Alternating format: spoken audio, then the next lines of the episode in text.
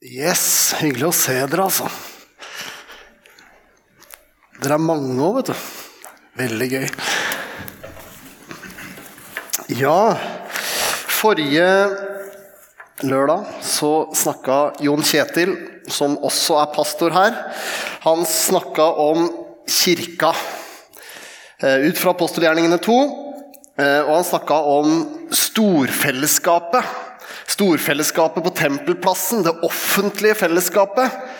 eh, Og hvordan, hvordan kirka i dag, hvordan vi, dette fellesskapet som vi er samla til i kveld, er en feiring og en lovprisning. Eh, Så brukte han et strålende bilde på kirka. Eh, Han brukte en ambassade som et bilde på kirka. Altså et Guds rike. At Guds rike har ambassader i verden, og at det er kirka. Kirkene rundt omkring.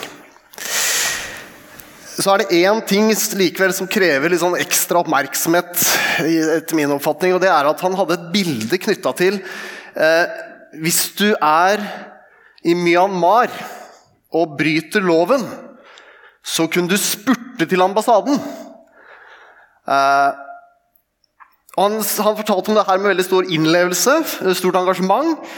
Eh, og det syns jeg fortjener litt ekstra oppmerksomhet. Fordi jeg syns det jo var et veldig sært bilde. Eh, jeg veit ikke helt om Altså, ambassadespurting i Myanmar eh, Ja vel? Har du sett mye på film, eller var det liksom selvopplevd, kanskje? til og med? Eh, vi kan jo spørre etterpå. Nå er det jo litt ekstra vanskelig for meg å liksom dra denne starten her, fordi at eh, når Jon Kjetil kom inn liksom ett minutt etter at denne gudstjenesten hadde egentlig begynt, så satte han seg bak meg. Eh, så vi får se åssen dette her går. Men i hvert fall Han sa også noe bra om at kirka ikke er en bygning, men det er oss. Og vi kan være kirka. Så hvis du vil høre mer om ambassadespurting eller resten av talen, som var veldig bra, så kan du gjøre det på podkast på nettsidene til Misjonssalen. I dag så skal vi ikke snakke om ambassadespurting. I dag skal vi snakke om husfellesskap. Eh, og det er den siste talen i denne Kom og se-serien som vi har hatt. Eh, et husfellesskap, hvis du ikke vet helt hva det er for noe, så er det altså en gruppe på kanskje vanligvis sånn et sted mellom fire og ti, elleve, tolv personer som samles og som eh, spiser sammen, viktig. Eh, deler liv, eh, deler, hverdagen, deler gleder og sorger, eh, leser i Bibelen sammen, ber og deler gleder og sorger, deler liv.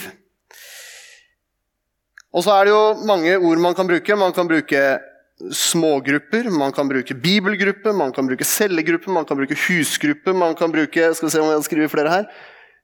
Bibelgruppe, småfellesskap.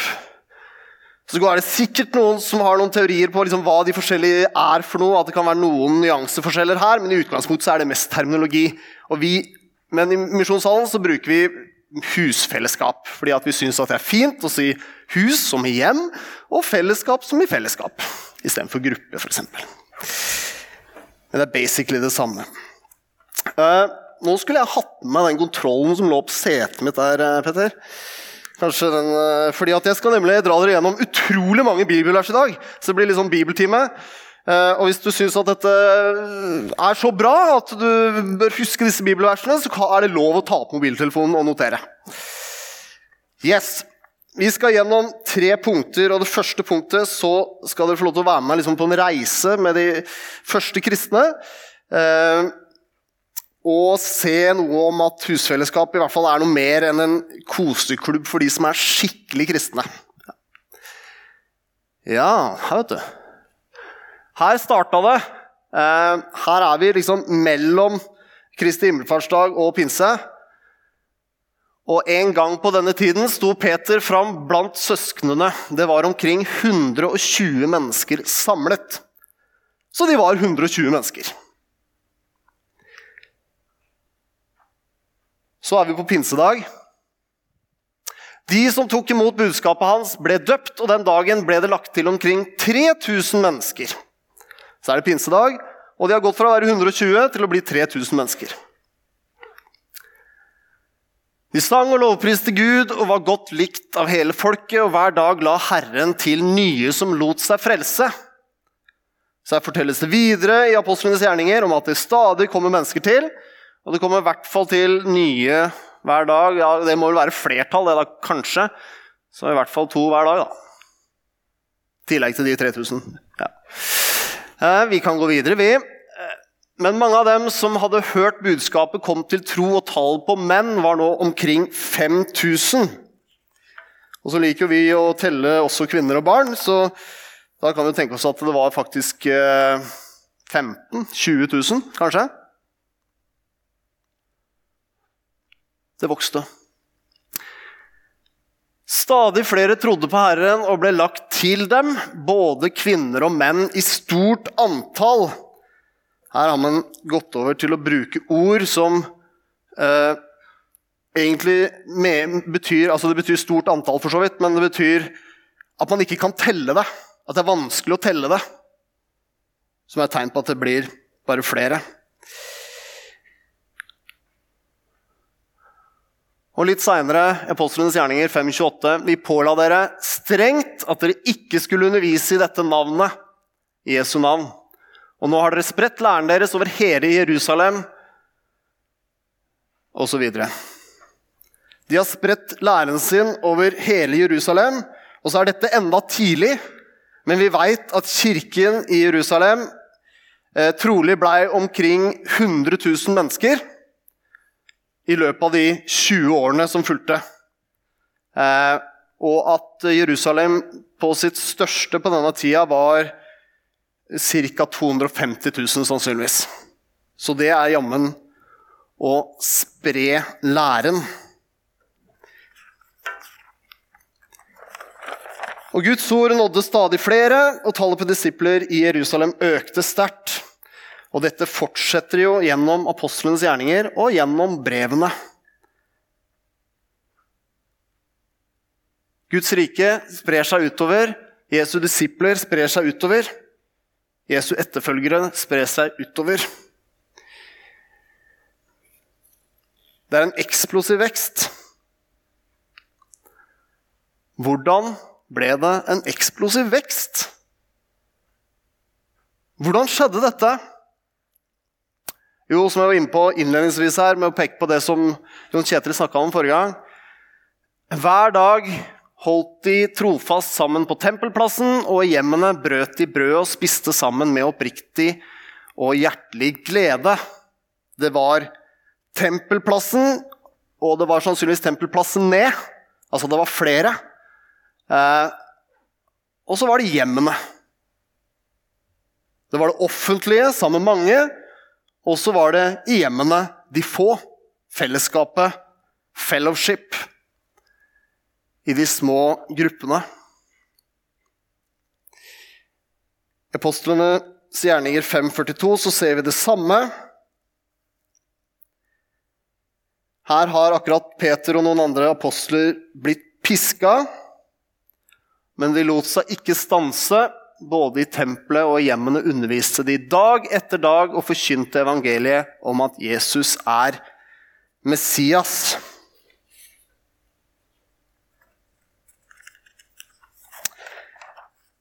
Hva sier Bibelen om hvordan den første kristne kirka vokste?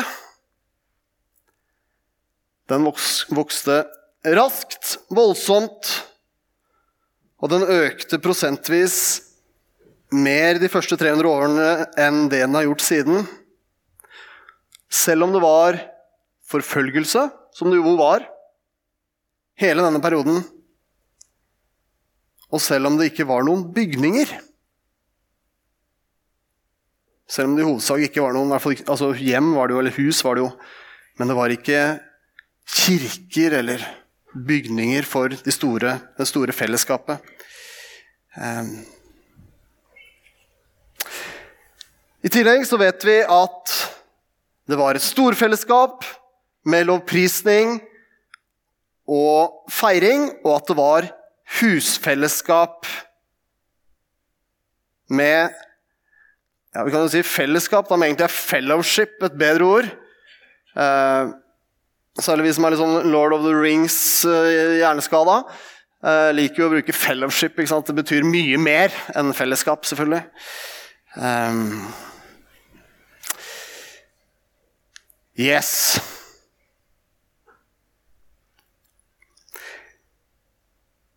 Hva sier så Bibelen om det kristne livet? Om livet som disippel? For det første så sier Jesus noen ting. Han sier Følg meg, så vil jeg gjøre dere til menneskefiskere.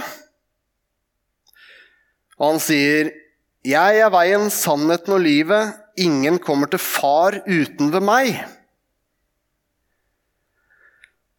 Og så sier han, Kom til meg, alle dere som strever og har tungt å bære. Og jeg vil gi dere hvile. Og så sier han, Vend om, for himmelriket er nær. Vend om, for himmelriket er nær. Og så sier han, heller ikke jeg fordømmer deg, gå bort og synd ikke mer fra nå av. Ja, så Jesus sier altså at vi er kalt til å gå ut, til å være menneskefiskere, til å være hans disipler, følge etter. Men han kaller oss også til hvile. Og så kaller han oss til å vende oss bort fra det gamle livet. Vende om. Han kaller oss til å ikke synde mer.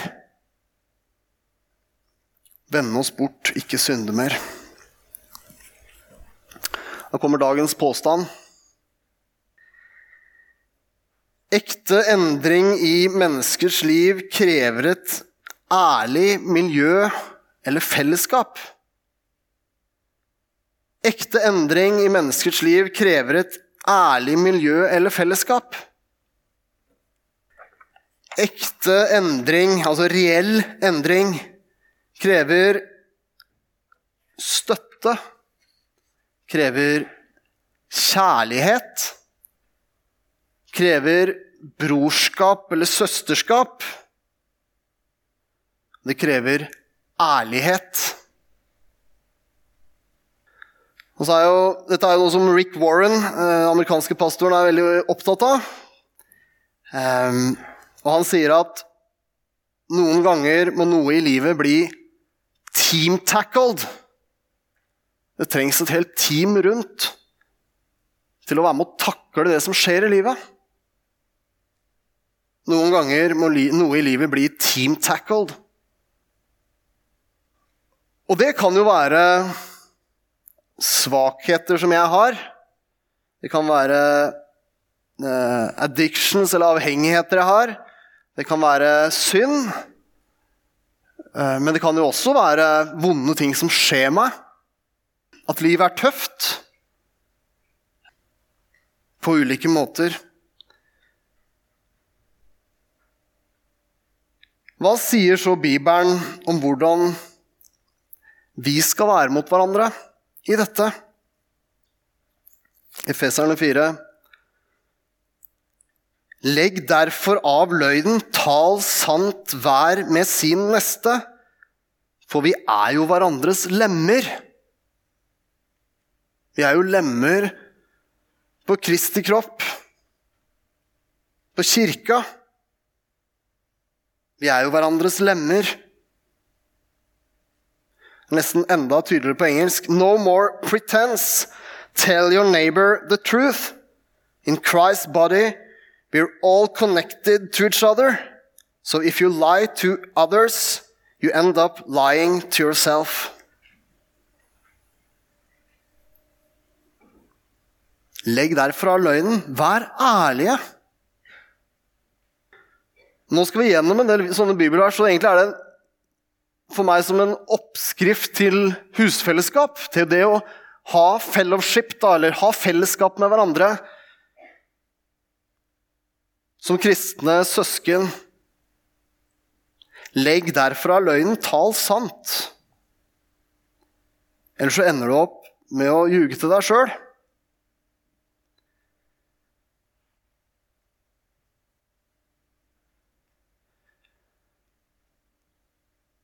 Se frykten din i øynene. Og det er lettere når du har noen andre mennesker sammen med deg. En av de tingene som jeg tror at skiller oss uh, Skiller oss fra Gud, altså som Som er synd i livet våre, opphav til synd i livet våre, det er jo at vi er Altså at vi har et helt enormt behov for å framstå vellykka, framstå eh, suksessfulle eller gode, eller i hvert fall ikke annerledes enn de andre. Men så kommer det i veien for at man faktisk kan være god noen ganger. Yes, hva sier Bibelen om disse nære relasjonene. Vær gode mot hverandre og vis medfølelse, så dere tilgir hverandre slik Gud har tilgitt dere i Kristus.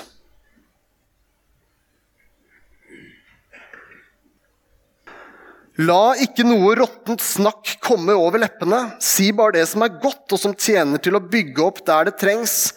Så kan det bli til velsignelse for dem som hører på.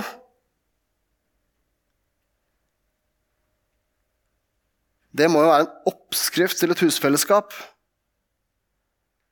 Når noen deler noe som er flaut, eller rett og slett bare nesten utenkelig å dele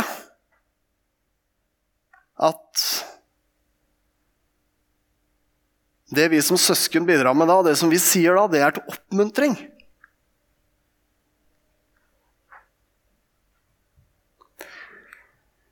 Bær hverandres byrder og oppfyll på den måten Kristi lov.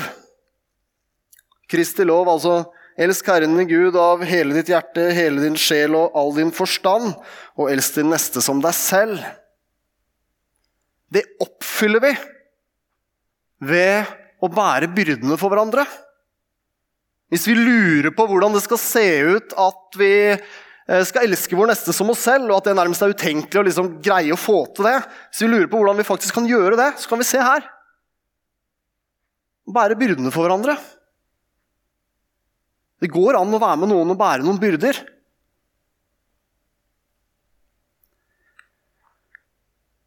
Og en siste, tror jeg. Eh, han døde for oss for at vi, enten vi våker eller sover, skal leve sammen med han. Derfor må dere oppmuntre og oppbygge hverandre. Igjen det samme poenget med å oppmuntre og oppbygge hverandre. Det er vi kalt til. Så for å oppsummere ærlighet, trøst, medfølelse, støtte tilgivelse, forbønn, oppmuntring.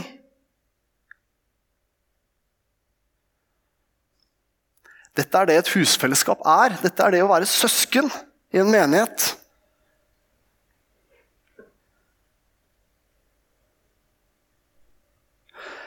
Hvem tar vare på deg på denne måten? Hvem tar vare på deg på denne måten? Hvem har du som tar vare på deg?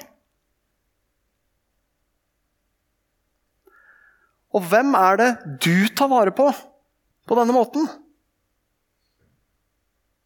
Hvem er det helt konkret?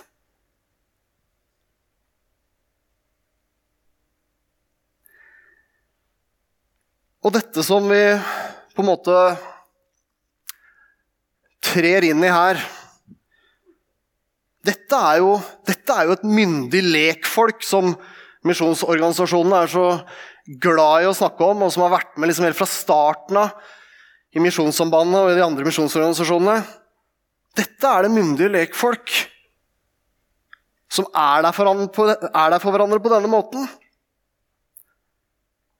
Vanlige kvinner og menn som leder hverandre til Jesus, som leder hverandre i disippelskap, som leder hverandre i misjon.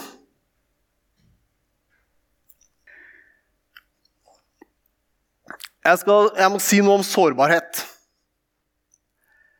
Eh, jeg eh, har vært på Det er elleve år siden. Var på noe som heter Hjertefokus, et kurs. Kanskje har noen av dere hørt om det, kanskje har til og med noen vært på det. Eh, det er et kurs hvor man lærer en del om hvem man er, hvem jeg er. Skapt i Guds bilde.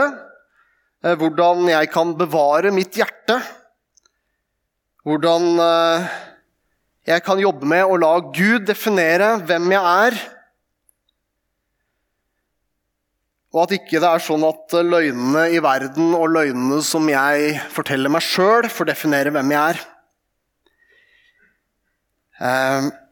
Og det kurset er jo masse undervisning, men det er også mye gruppe. Og vi var vel en gruppe på sju-åtte personer. Eh, og vi delte etter hvert altså Du trenger jo kanskje noen timer på å bli litt trygg på hverandre, da, men eh, det gikk jammen fort òg, før vi greide å skape en trygghet som gjorde at i hvert fall flere av oss syntes at det var greit å dele ganske ting som jeg trodde jeg aldri skulle dele der. i hvert fall. Eh, og det var det flere andre som gjorde òg. Og så var det etter en sånn deleøkt så spiste vi, og da var vi jo mange flere, for det var jo 40-50 stykker totalt. Eh, og så satt vi rundt, Gruppene satt rundt hvert sitt bord, og så var det en som reiste seg på en av de andre gruppene. Jeg skulle selvfølgelig ønske at det var jeg som reiste meg, for det var utrolig bra sagt, det han sa. Eh, han sa det at eh, han var forundra. Fordi at nå hadde han hørt mye av det verste, kanskje, som noen av de i gruppa hadde gjort eller tenkt eller sagt i livet sitt i løpet av de siste timene. Og så opplevde han at det skinte av dem. Det skinte av de som han satt på bord med. Som han hadde hørt fortelle disse tinga. Og jeg opplevde det på akkurat samme måten. For der man jo skulle tro at når man hører de til dels ganske dårlige tingene som noen, noen, noen av oss hadde gjort, eh, at man da tenkte at nei, disse folka vil ikke ha så mye med å gjøre. Det er ikke det som skjer. vet du. Det skinte av dem. Jeg husker ikke alle navnene. Jeg har ikke snakka med noe særlig av de etterpå. Noen sånne hilsen på Facebook kanskje de første åra, men, men, eh, men, jeg er glad i de fortsatt. Altså. Skikkelig glad i dem etter den uka der. Det er en kraft i sårbarhet som er helt enorm. Det er ikke ofte jeg snakker om djevelen. Eh, men jeg tenker at det var og er djevelens smarteste trekk å legge et sånt teppe av flauhet og skam og dritt over oss mennesker. Og en redsel for at folk skal få vite hva jeg gjorde da, hva jeg tenkte da, hva jeg følte da, eller hva jeg føler nå.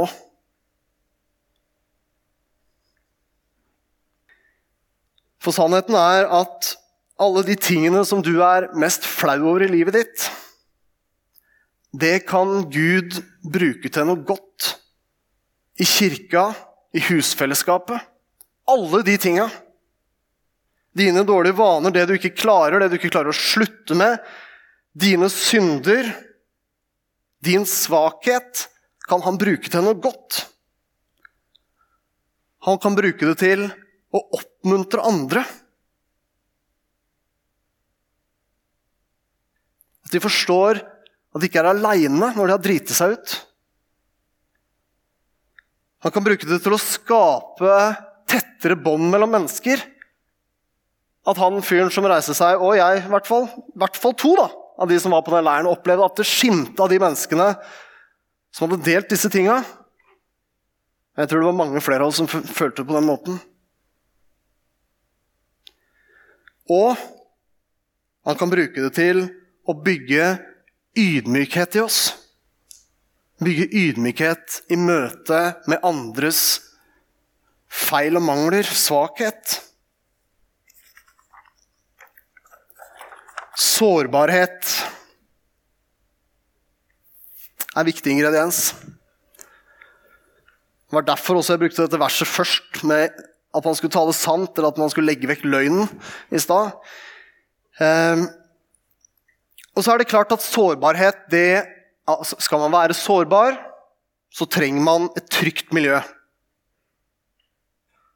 Og så tror jeg det er veldig stor forskjell på hva et menneske og et annet menneske tenker er et trygt miljø, og hvor lang tid man for trenger sammen med mennesker for å kunne dele noe som er sårbart.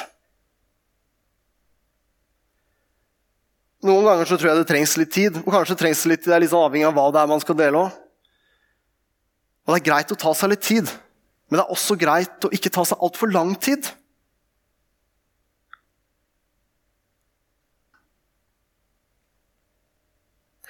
Leve gjennomsiktig er liksom en sånn uh, tommefingerregel som vi noen ganger snakker om i, i disippelliv eller i kristenlivet. Det tror jeg er kjempebra. Og så tenker jeg at det likevel ikke skal bli at man lever liksom gjennomtrengelig. Altså at det ikke er en sånn at man ikke av den grunn blir helt flat og passiv og bare lar alt på en måte valse over, og alt er min skyld. Eh, fordi alt skal synes i livet mitt. For alle. Men at man har en mer eh, Det er jo lov i et husfellesskap eller med noen venner, kristne venner Det er jo lov å være frustrert over livet, over det man ikke har fått til, det som eventuelt var synd eller urettferdighet som man har blitt utsatt for og som preger en. Er jo lov, selv om man eh, Selv om man eh, vil leve nær Jesus og vil leve åpent med livet sitt og leve åpent med i et husfellesskap eller med noen nære kristne venner, så er det jo lov å være frustrert, og det er lov å være sint. Det er lov å synes det er vanskelig.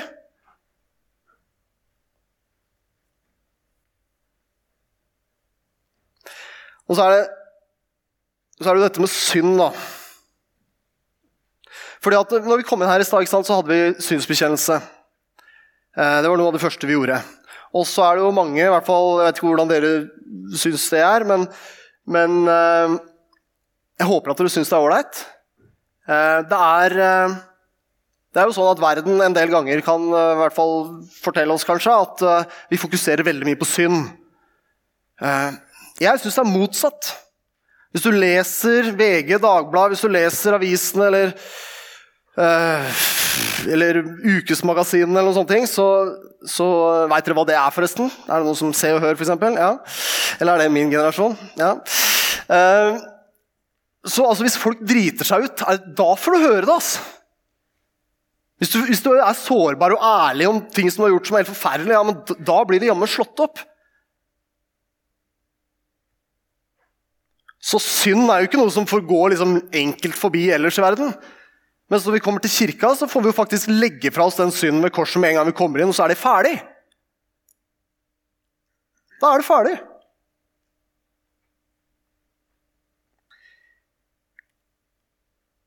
Og Sånn skal det være mellom oss søsknene, for så vidt både i kirka og i husfellesskapene.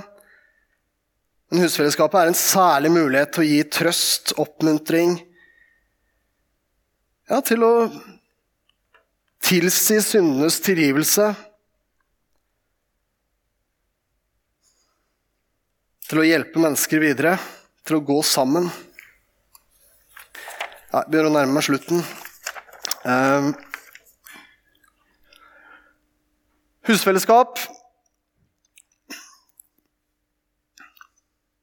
Vi har snakket om hvordan Bibelen, eh, hva Bibelen forteller oss om hvordan det var for de første kristne, og hvordan den kristne kirka vokste.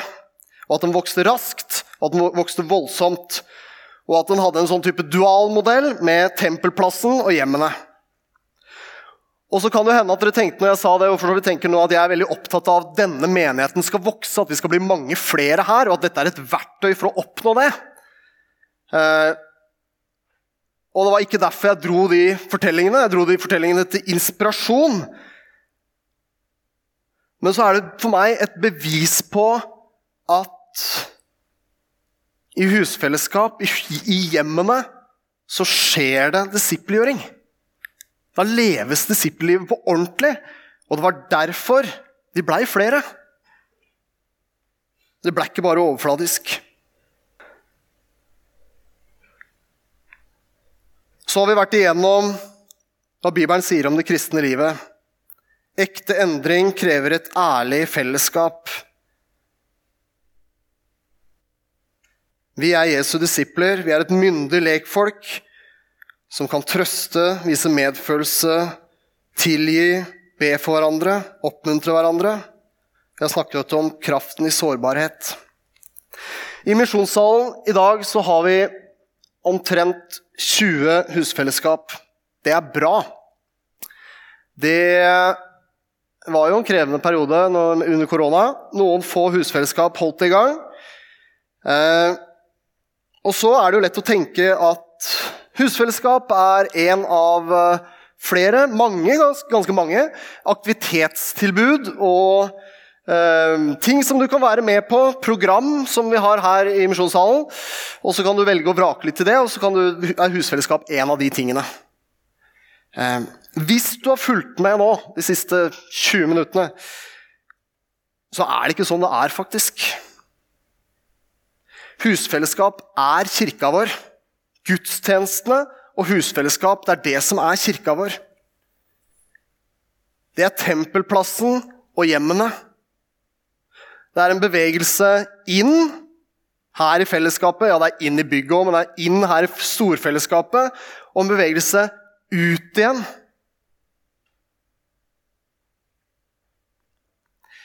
Og I misjonssalen så tror vi at dette er rytmen for det kristne livet. Vi tror det er det Bibelen forteller oss, og det Jesus har kalt oss til. Og vi tror at husfellesskap som gudstjeneste er for alle.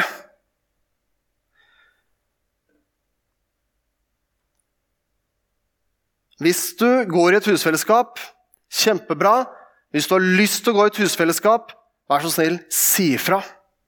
Du kan si ifra på mail eller telefon eller et eller annet til eh, Jon Kjetil eller meg eller noen andre i staben når som helst. Eller du kan for så vidt også si fra ute på desken etterpå. Um, så har jeg lyst til å si det at nå som vi endelig liksom har rista korona forhåpentligvis liksom skikkelig av oss, og er i gang med semester som ikke starter der, så håper vi også at vi kan sette enda mer fokus på husfellesskap og ha flere ledersamlinger og bruke mer tid på det. Yes, vi skal be.